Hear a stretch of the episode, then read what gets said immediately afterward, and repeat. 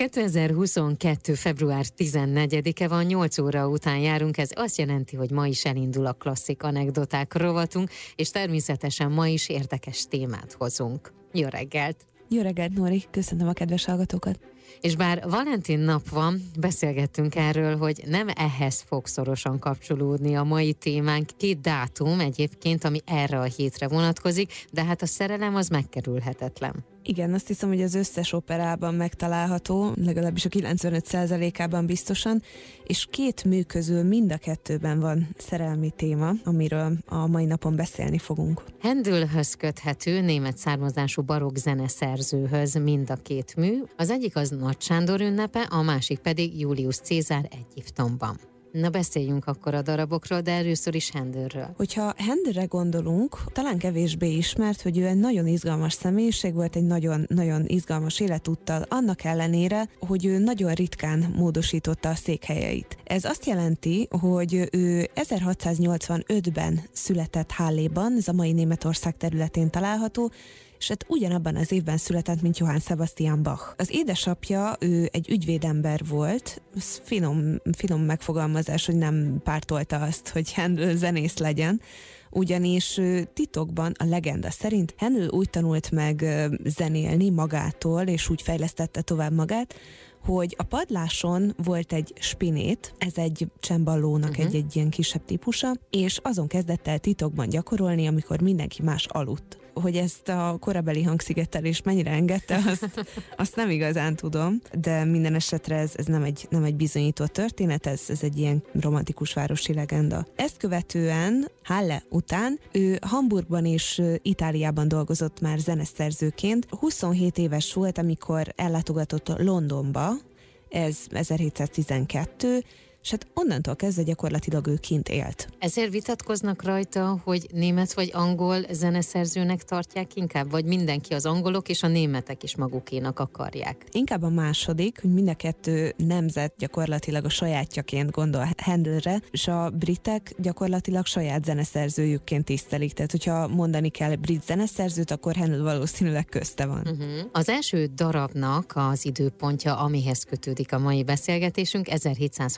1936. február 19-e ekkor történt, hogy a Sándor ünnepe, Nagy Sándor ünnepe című ódát bemutatták. Igen, ő ebben az időszakban 1734-től 41-ig ő a londoni Covent Gardenben dolgozott, és nagyon sok operát írt ennek az intézménynek a számára, és nagyon sok operatársulattal működött együtt. Maga ez az Alexander's Feast, or the Power of Music, tehát Nagy Sándor ünnepe, azaz a zene ereje, ez egy óda, amire ő komponált egy kantátát gyakorlatilag, egy ilyen kisebb oratórium lett belőle végül, de ugye a műfai meghatározása az, az inkább az, hogy megzenésített óda. Nagyon érdekes, mert erről a témáról már félig meddig beszéltünk. Ez egy Szent Cecília ünnepre készült óda volt eredetileg, ez John Drydennek a, a szövegére készült, és hát ezt vette elő újra Handel, kicsit modernizált ö, szövegváltozatában, erre komponált zenét 1736-ban. Kicsit hallgassunk is bele a nyitányba. Lorenzo Girlanda vezényli a Vox Orchester zenekart, ez egy nagyon modern 2020-as felvétel.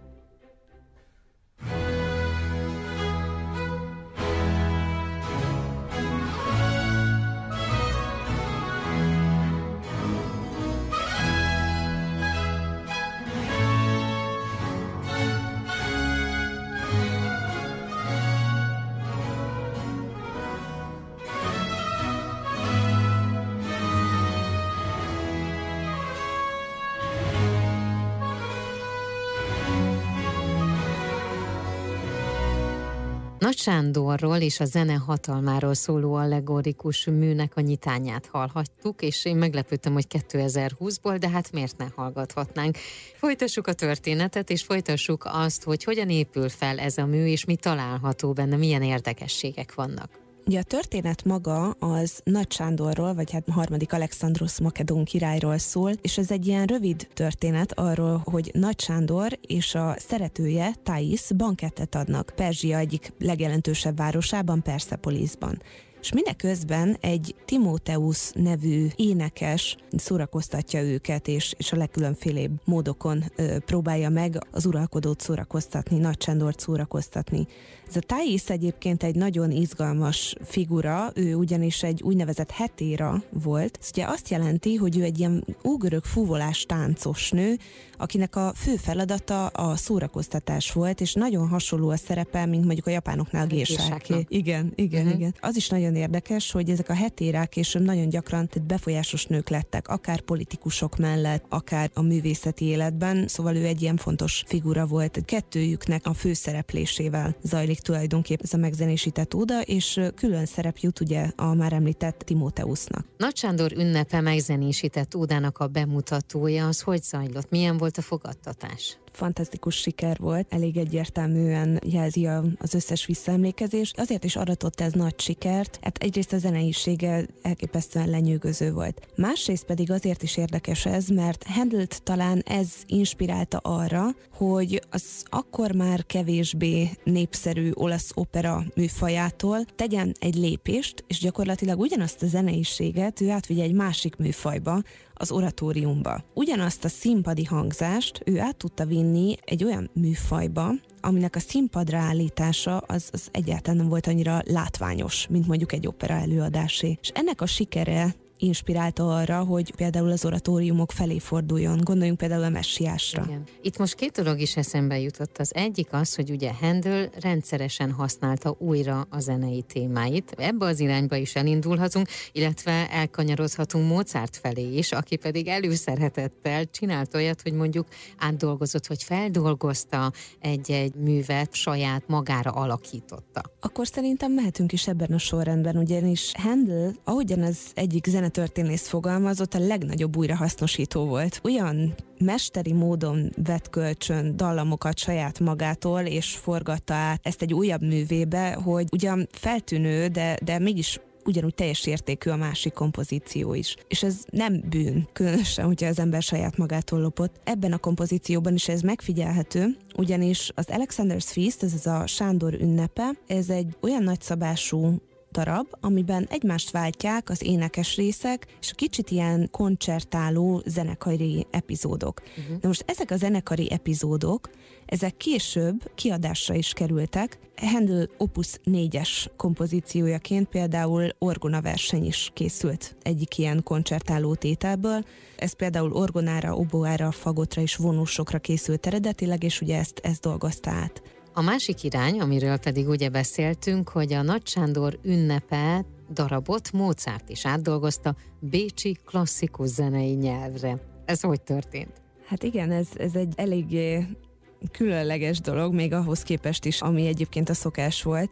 Wolfgang Amadeus Mozart 1790-ben, tehát közel hát 50-60 évvel a, a bemutató után Gottfried van Sweetenbauer hallgatva úgy gondolta, hogy Handelnek ezt a darabját ő modernizálja, átdolgozza a bécsi klasszikus mhm. nyelvezetre, egy kicsit a, a saját nyelvére, ezt áthangszerelte, ezt az Alexander's Feastet, azt a címet adta neki Timóteusz, avagy a zene ereje. Tehát, hogy ő már megváltoztatta a főszereplőt, ő a Timóteuszt, a lantost, a, uh-huh. a zenészt helyezte előtérbe.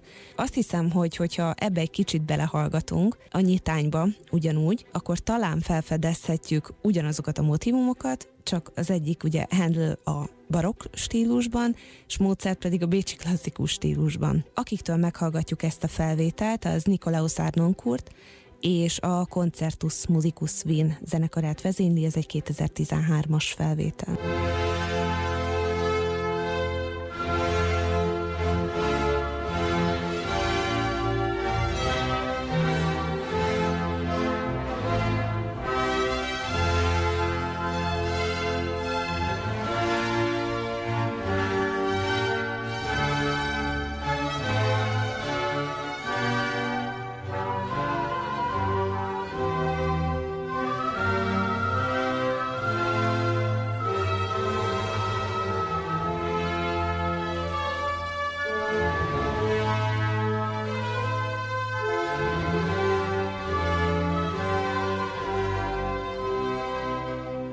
A klasszik anekdotákban a rovat elején ugye említettük, hogy két dátumhoz is kötődik a mai beszélgetésünk. Az egyik ugye az Sándor ünnepe volt, ez február 19-én volt, hát nem ugyanabban az évben, hanem 1736-ban, majd ugrunk visszafelé egy kicsit az időben, 1724. február 20-áig, hiszen Julius Cézár Egyiptomban premierjére kerül sor. Ez is Handelhöz köthető, és erről az operáról mi az, ami fennmaradt, mi a történet? 1719-től Handel egész sokáig, 15 évig a Royal Academy of Music zenei igazgatója volt. És hát ez alatt az időszak alatt készült egy opera széria, azaz egy komoly opera, ami a 18. században volt egy viszonylag népszerű műfaj, magát az elnevezést azt csak később használták, amikor elkezdett kimenni a divatból. És ez az opera széria, ez egy udvari opera. Tehát képzeljünk magunk elé arisztokratákat, vagy történelmi témát, vagy valami nagyon közeli ókori témát. Tehát Handel nagyon sok opera szériát írt, és hát csak nem a, a sok operája közül azt hiszem, hogy a 90%-a legalább ókori témájú, vagy allegorikus témájú. Hogyha például arra gondolunk, hogy Nero, vagy Nero édesanyjáról szóló történet, Zagrippina, Rinaldo, Tézeó, Mucius Cévola, Orestes, tehát rengeteg, rengeteg történet, ami, ami kifejezetten ókori téma és Handel elég gyakran nyúlt ezekhez a témákhoz. Mégis az egyik legismertebb operája, és a legtöbbet lemezre vett operája, ez a Giulio Cesare in Egitto, vagy Julius Caesar Egyiptomban, és hát nem is véletlenül. Ennek a nyitányába is hallgassunk bele egy kicsit. Mark Minkowski vezényli a Les Musiciens du Louvre zenekarát, 2003-as felvétel.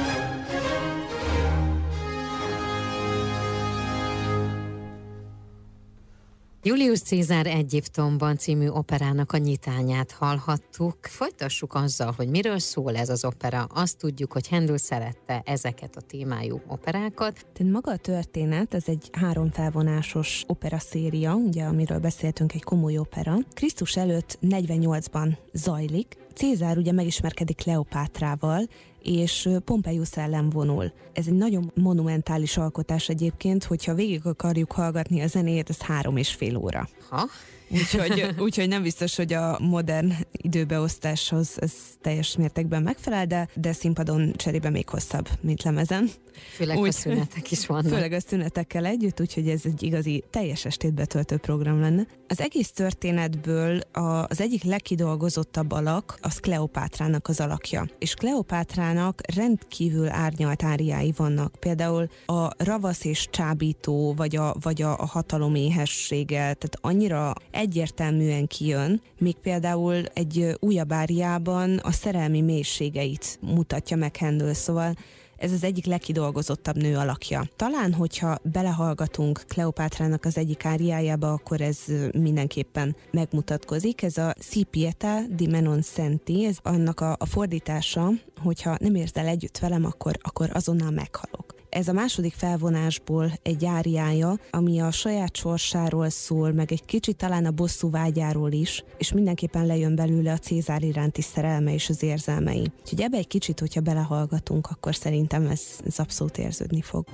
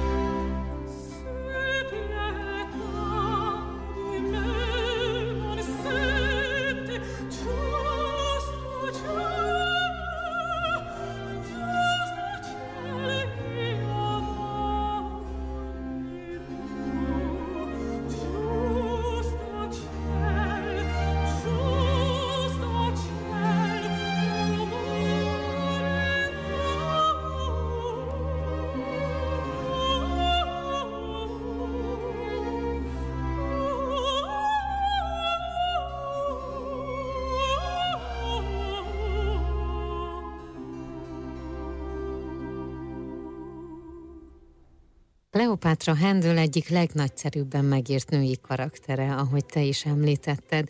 Milyen nagy dolog ezt elénekelni egy-egy énekesnőnek, hogyha megkapja ezt a szerepet? Ez egy mindenképpen nagyon fontos szerep. A premiéren is, aki játszotta Francesca Cuzzoni, Kleopátrát, minden bizonyal az ő tehetsége is hozzáadott ehhez a szerephez, és hát az, hogy ennyi, ennyi áriát, ennyi féle szint belevitt Handel ebbe a karakterbe, az egy olyan összetett színészi és zenészi munkát igényel az énekes részéről, hogy ez mindenképpen a, a, szerintem az egyik legnagyobb kihívás lehet. Mennyire felették el ezt az operát, vagy elfeledték, elővették? Találkozhatunk-e vele mostanában? Köztudatban marad, de a 19. században volt egy, hát hogy úgy fogalmazok, reneszánsza, 1922-től kezdték el játszani újra, egy Göttingeni bemutató volt az, ami, ami ezt elősegítette, viszont egy modernizált változatban hozták akkor színre, nyilván le, jelentősen lerövidítették, a, a jelmezeket is inkább expressionista stílusban alkották meg, és hát gyakorlatilag onnantól kezdve szinte hát kisebb-nagyobb kihagyásokkal még a mai napig színpadon van, és, és az egyik legismertebb Handel opera. A harmadik felvonás végéből hoztam még egy utolsó részletet, aminek a története az az, hogy győz végül Cézár és Kleopátra. Ők ketten fogadják Kornéliát és Sextuszt, és együtt ünnepelnek, ünneplik a szerelmet, és ünneplik a szerelmük által elhozott békét. És hát így ér véget maga az opera, Cézár és Kleopátra duettjével és a hozzátartozó kórussal.